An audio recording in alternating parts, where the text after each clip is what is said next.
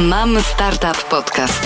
Dowiedz się, jak wygląda rzeczywistość polskiego ekosystemu startupowego. Cześć, nazywam się Damian Jemioło i jestem dziennikarzem portalu Mam Startup, a moim dzisiejszym gościem jest Artur Podchoredecki, CEO QNA Technology. Witam, dzień dobry. Cześć Arturze, dzisiaj będziemy sobie rozmawiać o tym, co w zasadzie tworzycie, czyli o półprzewodnikach, ale przede wszystkim o syntezie półprzewodników, natomiast ja bym w ogóle wyszedł od tego, czym są te półprzewodniki, o których zresztą tak często ostatnio słyszymy, w zasadzie od wybuchu pandemii koronawirusa tak mocno nie zaczęliśmy słyszeć i dlaczego one są takie ważne. No okej, okay, no półprzewodnik to jest e, taki kryształ, który e, ma takie fajne właściwości, że może absorbować światło, e, może to światło emitować, ale też może przewodzić prąd. Jakby to implikuje różne aplikacje tego materiału w zależności od tego, jakie właśnie urządzenie chcemy skonstruować, no to tak dobieramy sobie rodzaj tego półprzewodnika i na przykład chcemy skonstruować tranzystor czy jakby panel fotowoltaiczny, to najczęściej sięgamy po krzem. Gdy chcemy jakąś diodę e, świecącą, taką elektroluminescencyjną skonstruować, sięgamy po inny rodzaj półprzewodnika, na przykład arsenek galu, tych półprzewodników jest kilka. E, I e, to, co e, jest bardzo ważne też, to jak wybieramy ten półprzewodnik, to też patrzymy na to, co jest ostatnio bardzo ważne, jaka jest dostępność materiału, z którego ten materiał jest wykonywany, ten kryształ półprzewodnikowy. Czy to jest na przykład INT, który jest materiałem takim deficytowym, czy materiał, który konstruujemy jest materiałem toksycznym, czy nie zawiera właśnie jakichś pierwiastków toksycznych jak kadm czy ołów, to jest też dość istotne. I bardzo ważne też jest przy wyborze tego półprzewodnika do konkretnej aplikacji, czy jest on kompatybilny z pozostałymi elementami w tym urządzenie, które e, będziemy sobie tworzyć.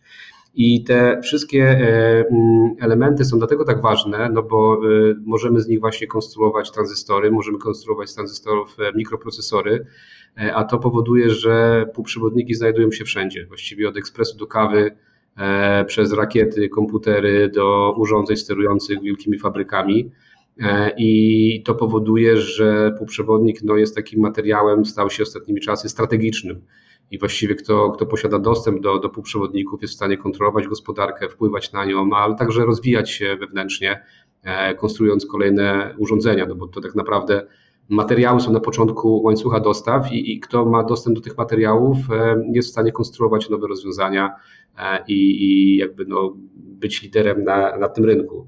No i problem, jaki się pojawił w ostatnich latach, to jest to, że na początku poprzewodniki, jakby ten rozwój strasznie się rozpoczął gwałtowny po 1948 roku, kiedy właśnie wynaleziono pierwszy tranzystor w takiej bardziej współczesnej formie, potem układy scalone, potem właśnie mikroprocesor i ten, to zapotrzebowanie strasznie zaczęło rosnąć, ale na początku to Stany Zjednoczone były liderem na rynku e, i, i właściwie ten rozwój był mocno wspierany przez rząd. Były to kontrakty wewnętrzne i, i większość zastosowań to były aplikacje militarne. Natomiast w pewnym momencie to wyszło spod tych aplikacji czysto wojskowych do takich komercyjnych zastosowań. I wtedy ta produkcja tych poprzewodników jakby rozeszła się po prostu po wolnym rynku.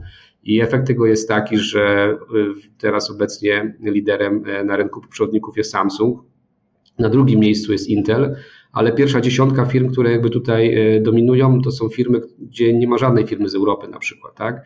I, I, prognozy, które są teraz e, robione, pokazują, że ta dominacja krajów azjatyckich, jeśli chodzi o właśnie urządzenia półprzewodnikowe, a jeszcze w szczególności o podłoża, bo każde takie urządzenie musi mieć takie podłoże. Po angielsku to jest takie może słowo się słabo tłumaczące wafer, na nasz język. Natomiast jest taka po prostu krucha warstwa nieprzezroczystego półprzewodnika, na której wszystko inne się potem dzieje. No to tutaj jeszcze większą ma dominację Azja.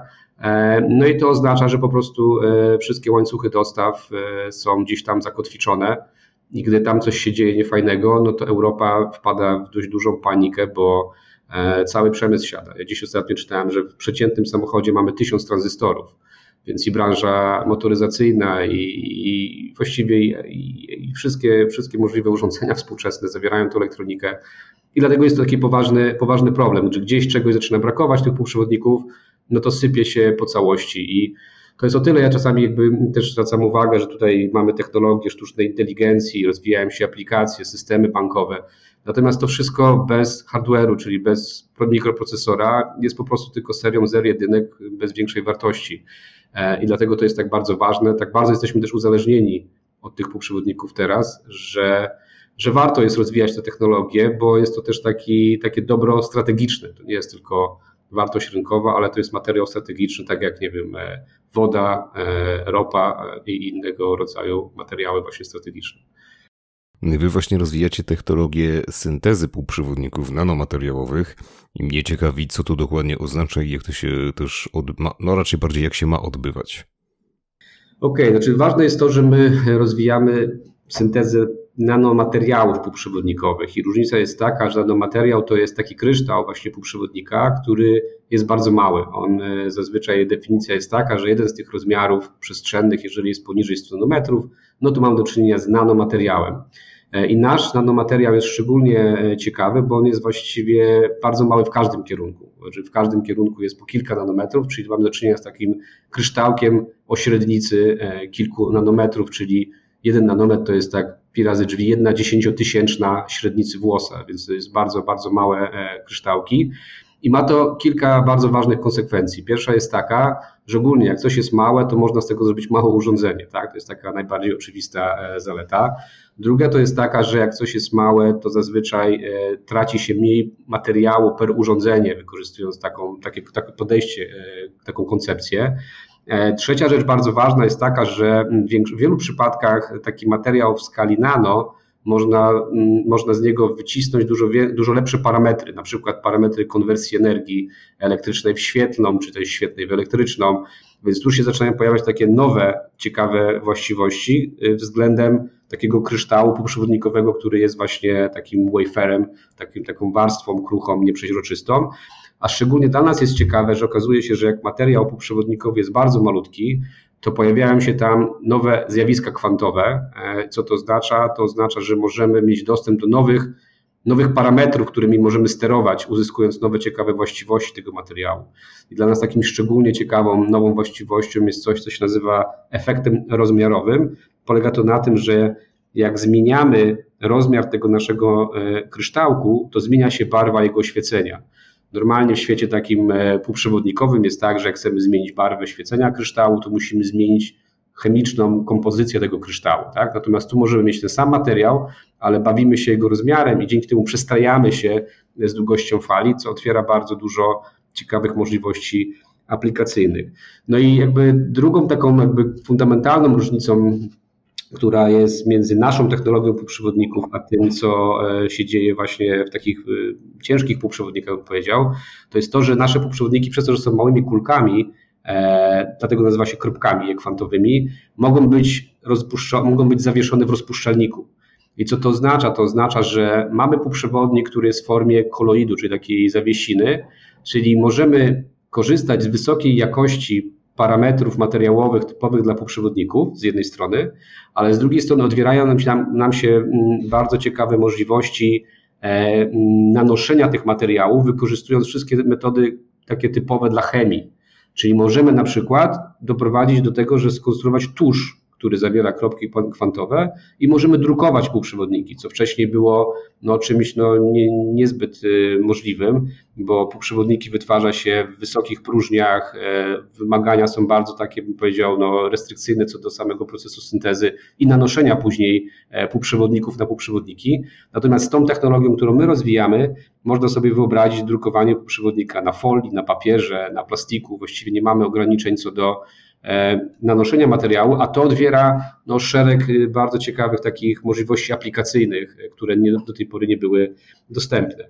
No i tutaj trochę przydługi wstęp, ale wracając do Twojego pytania, e, co my robimy tak naprawdę? No my e, rozwijamy syntezę tych właśnie nanomateriałów przewodnikowych, co polega na tym, że szukamy różnych związków chemicznych, które kombinacja może nam pozwolić e, na uzyskanie tego materiału w takiej właśnie formie nanomateriału i o parametrach takich, które my sobie gdzieś tam zdefiniowaliśmy. E, my jako firma postawiliśmy sobie za cel syntezę takich kropek kwantowych, półprzewodnikowych, które emitują światło niebieskie. To może później powiem, dlaczego jest to tak ważne. Natomiast teraz jakby jest istotne to, że ten kolor niebieski powoduje, że musimy odpowiednią kompozycję tych materiałów, e, tych, tych związków chemicznych, które potem tworzą ten kryształ, znaleźć. E, no i to jest to trochę rozwijanie syntezy, czyli szukanie takich protokołów, które nas doprowadzą do uzyskania tego materiału, e, który będzie miał takie, a nie inne parametry. Z drugiej strony rozwijamy samą technologię, czyli sposób, metody, w jakich później te związki chemiczne zachodzą w reakcję, czyli można powiedzieć, że z jednej strony szukamy tej kompozycji najlepszego, najlepszej, jakby porównując to do pieczenia ciasta, tak, jakby szukamy tej najlepszej mąki, tych najlepszych dodatków, żeby to ciasto było takie, jakie sobie zaplanowaliśmy, ale my też z drugiej strony pracujemy nad piekarnikiem, czyli staramy się rozwinąć całą technologię, e, aby te nasze materiały później były nie tylko spełniały parametry, ale też właśnie e, pozwalały na uzyskanie powtarzalności tej syntezy, na zrobienie dużej e, skali. Mm, I to taki drugi jakby wątek a propos tego pytania, a trzeci już taki przechodząc bardzo do, do, do tego, jak to się rzeczywiście dzieje, no to nasz proces syntezy jest procesem dość skomplikowanym, mm, bo wieloetapowym, ale przez to też pozwala nam trochę trzymać konkurencję z dala. Znaczy progi wejścia są później wysokie dla innych, e, którzy by chcieli też dołączyć do, tego, do tej technologii. I te, te wiele etapów e, mm, no, powoduje właśnie tą trudność, bo na każdym etapie trzeba mieć wysoką kontrolę nad kilkoma parametrami. Zaczyna się nasz proces od tego, że bierze się, wyszukuje się związków, które się nazywa prekursorami, czyli są to związki chemiczne, które mają w sobie gdzieś atomy, z których będzie budowany kryształ. I to jest jakby pierwszy etap, czyli jakby synteza tych prekursorów, dobór tych prekursorów, tak, żeby być gotowym do kolejnego kroku. W kolejnym kroku e, miesza się te związki chemiczne e, przy odpowiednich parametrach i zaczyna się proces krystalizacji, nukleacji, krystalizacji. To jest coś taki etap, który pewnie każdy, kto e, w podstawówce robił kiedyś kryształki soli, e, mniej więcej wie o co chodzi. E, I każdy, kto to robił, to też wie, jak trudno było uzyskać wysokiej jakości kryształek soli, taki wyizolowany, paromilimetrowy. W większości to się robi taka, taka breja po prostu soli, która na tej nitce się gdzieś tam osadza, bo jest bardzo trudnym uzyskać kryształ wysokiej jakości, który jest odseparowany od innych, nawet w takim prymitywnym przypadku jak kryształ soli. U nas wyzwanie jest szalenie trudne, ponieważ my musimy takich kryształków uzyskać średnio 10 do potęgi 17 w 100 ml roztworu i każdy z tych kryształków nie może się różnić więcej niż jedną warstwą atomową od siebie, bo każda różnica w rozmiarze, tak jak powiedziałem wcześniej, powoduje, że ten kryształek świeci na inny kolor, a tego nie chcemy. My chcemy mieć na końcu taki zbiór tych wszystkich kropek kwantowych, z których każda świeci dokładnie jedną barwą, bo to są takie no, oczekiwania od tych najbardziej zaawansowanych technologii, że to będzie bardzo dobrze zdefiniowana e, barwa. Więc cały ten proces musi być bardzo, bardzo precyzyjnie kontrolowany na poziomie pojedynczych atomów. I gdy ten proces się już skończy, mamy ten taki kryształek, tą kropkę kwantową, pojawia się trzecia faza. W tej fazie trzeciej pokrywamy ten nasz rdzeń, tą, tą kropkę kwantową takim płaszczem półprzewodnikowym, który pełni między innymi też rolę zabezpieczania tego materiału od, od warunków środowiskowych i też to musi być robione na poziomie takiej wysokiej bardzo precyzji kontroli grubości i jakby całej, całej tutaj e, struktury tego płaszcza. I to jest właściwie prawie ostatni etap. I to, co dostajemy jako efekt tej naszej syntezy, to są takie półprzewodnikowe kulki, które pływają sobie w roztworze i na ich powierzchni znajdują się takie związki organiczne, które są jakby pewnym efektem, pewną konsekwencją użytych przez nas metod syntezy. I te, te, te, te, związki organiczne na powierzchni, które nazywa się ligandami, one pełnią rolę, mm, one jakby są odpowiedzialne za to, w czym ta kulka może pływać. Jak chcemy, żeby kulka pływała w wodzie, to muszą być pewnego rodzaju takie związki organiczne. Jak chcemy, żeby kulka była w polimerze, to innego i tak dalej, i tak dalej. Czyli jest to bardzo taki element mocno zależny od tego, jaka będzie docelowa aplikacja do tego materiału. No i tutaj się zaczyna ten kolejny etap, który my też w spółce robimy, czyli wymiana ligandów. Czyli to jest bardzo taki ważny element, że musimy już trochę rozumieć, czego oczekuje klient, żeby dobrać tak te związki organiczne, żeby on sobie już potem z tą kulką mógł poradzić w swoim procesie technologicznym. I ostatnią jakby fazą, którą my też e, w firmie rozwijamy, jest przygotowywanie tuszu. Niektóre z naszych, z naszych partnerów e, to są firmy, które chcą bądź używają drukowania jako metody nanoszenia e, po prostu tych warstw aktywnych i oni sobie życzą, żeby ten materiał był dostarczony w formie tuszu, czyli tusz to jest coś bardziej skomplikowanego niż tylko rozpuszczalnik, bo on zawiera dodatki pewne chemiczne, które gwarantują odpowiednią lepkość, napięcie powierzchniowe, tak żeby ten tusz chciał wyłazić z tej głowicy drukarki i mógł być e, nanoszony. To tak e, wydaje mi się, że wyczerpująco odpowiedziałem na Twoje pytanie. No tak, ale wiesz co mnie ciekawi, bo mnie ciekawi to, że wam w zasadzie faktycznie udało się w tych warunkach laboratoryjnych opracować tę syntezę niebieskich kropek kwantowych, o których mówisz, ale z tego co ja wiem, to to jest wasze MVP. No to jak daleko jesteście jeszcze od tego finalnego pro produktu?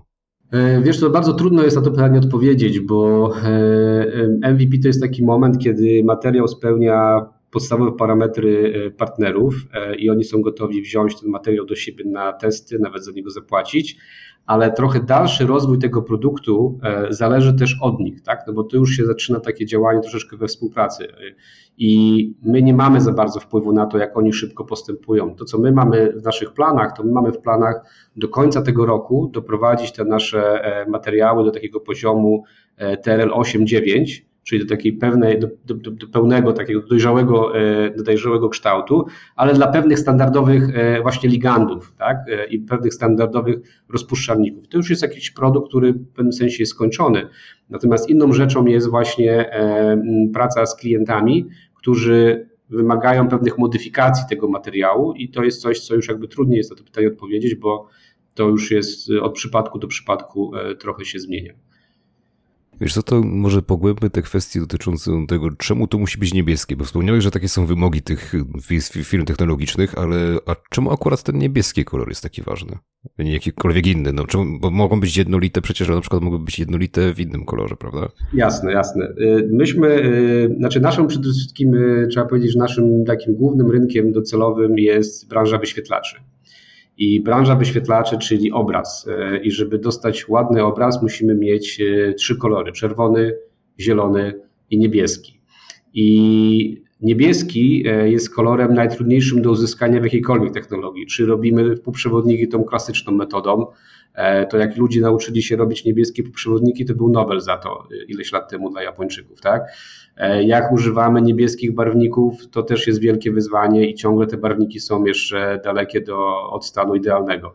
Czyli ogólnie robienie niebieskich emiterów światła jest bardzo trudnym wyzwaniem i to jakby spowalnia rozwój niektórych technologii. I my właśnie postawiliśmy przede wszystkim na ten niebieski, powiedzieliśmy, że jak nam tutaj coś się uda, to będziemy się w stanie wyróżnić mocno na rynku, e, bo jest to jakby no coś, z czym sobie wielu ludzi nadal nie do końca radzi.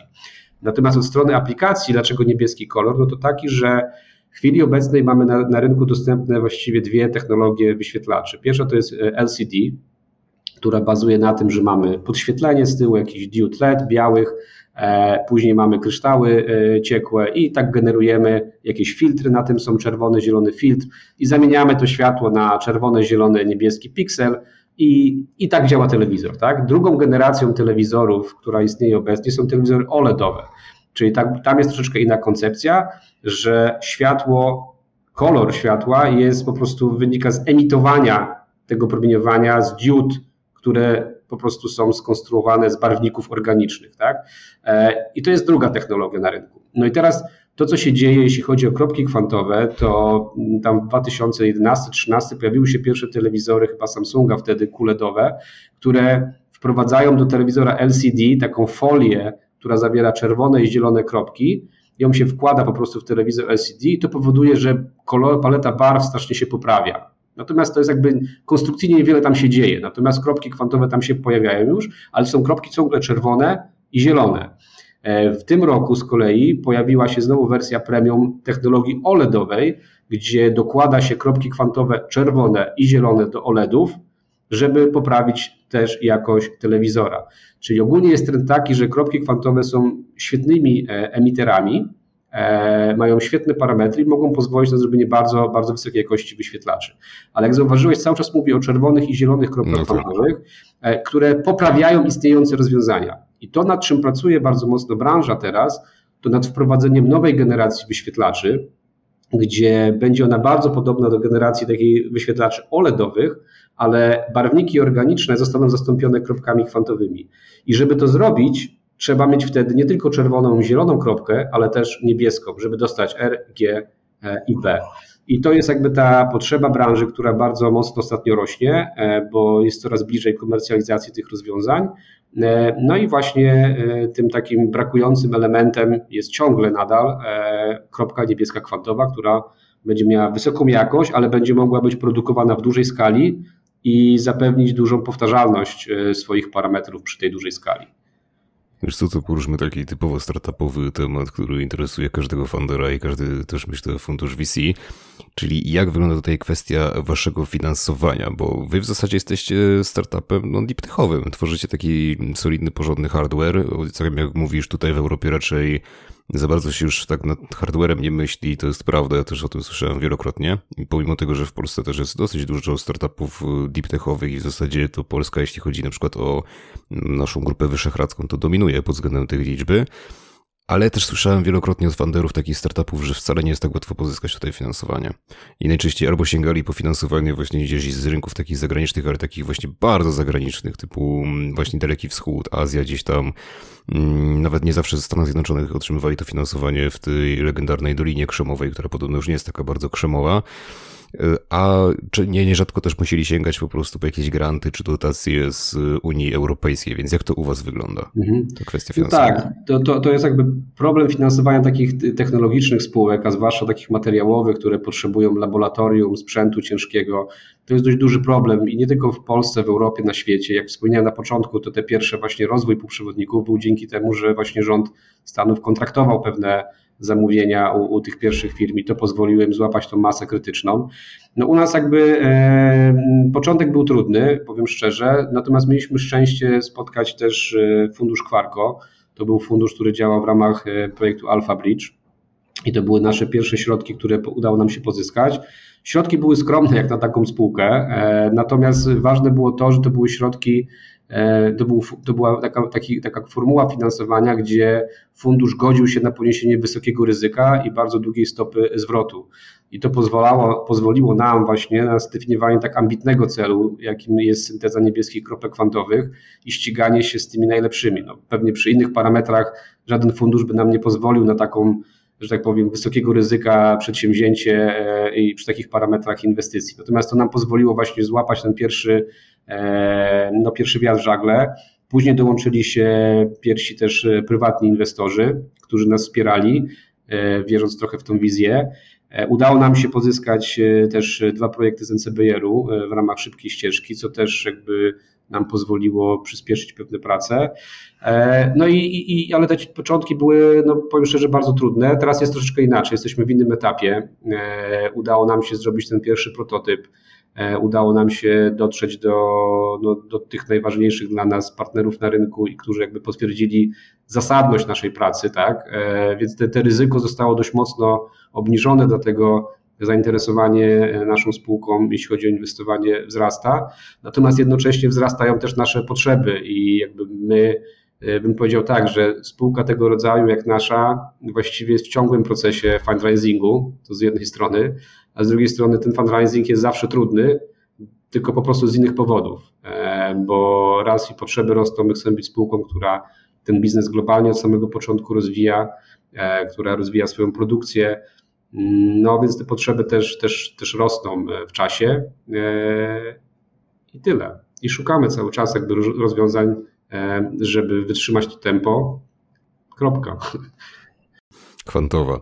Tak, no wiesz co, to może na samym końcu porozmawiajmy o tym, gdzie w zasadzie finalnie będzie się odbywać produkcja, no bo tutaj mówiłeś na początku, jak istotne są te łańcuchy dostaw i faktycznie no, pandemia koronawirusa nam to pokazała, później wojna w Ukrainie nam to też pokazała, jak to może być łatwo, łatwo może to zostać zaburzone. Wojna handlowa pomiędzy Stanami Zjednoczonymi i Chinami nam to też pokazała, więc wszystkie znaki na niebie mówią nam, no im bliżej, tym lepiej, więc ciekawi, no ale też wiadomo, no koszty produkcji i tak dalej, więc ciekawi mnie bardzo właśnie jak to u was y, będzie wyglądać, czy ty byś chciał utrzymać tę finalną produkcję tutaj w Polsce albo przynajmniej w Europie? Chcieć bym chciał, e, ale pewnie produkować będziemy tam, gdzie będą korzystne warunki ku temu, prawda? No to jest jakby oczywiste, to jest biznes. E, natomiast chcielibyśmy tą produkcję robić u nas. W chwili obecnej pracujemy w Wrocławskim Parku Technologicznym. E, pewnie w najbliższym czasie, e, jeżeli nasze plany się wszystkie ziszczą, też trzeba będzie gdzieś się przenieść, żeby rozwijać tą produkcję, ale to też będzie jeszcze etap, który e, najprawdopodobniej będzie związany z Wrocławiem i jego okolicami. Natomiast co dalej, to, to zależy od bardzo wielu zmiennych, tak jak wspomniałeś, no, dynamika na świecie jest teraz ogromna, ciężko przewidzieć, co będzie za, za 3-5 lat. Więc będziemy patrzeć, obserwować i starali się takie decyzje podejmować, żeby pozwalały spółce się rozwijać i nam brać udział w tworzeniu no, tych najnowszych, ciekawych technologii, które nas tutaj cały czas nakręcają. Dobrze, to ja Ci bardzo dziękuję, Arturze, za tę rozmowę, za podzielenie się z, nam, z, na, z naszymi słuchaczami tym, czym jest ta dosyć enigmatyczna technologia półprzewodników i w ogóle z ich syntezy. I oczywiście życzę powodzenia w rozwijaniu tego hardware'u i Waszego też startupu, no bo bardzo dziękuję. Ja cały czas uważam, że potrzebujemy tutaj w Polsce, w Europie więcej zdecydowanie takich spółek, które będą tworzyć taką twardą faktycznie technologię, na której później można rzeczywiście pracować. Także. Bardzo Wam dziękuję e, i Mam nadzieję, będziemy mogli za jakiś czas powiedzieć więcej, co się u nas dzieje e, i podzielić się z słuchaczami. Ja nazywam się Damian Jemioło, ze mną był Artur Podchorodecki, a Was wszystkich zapraszam na mamstarta.pl. Trzymajcie się i cześć. Cześć. Sprawdź inne odcinki Mam Startup Podcast na Spotify, YouTube, Apple Podcast i Google Podcast.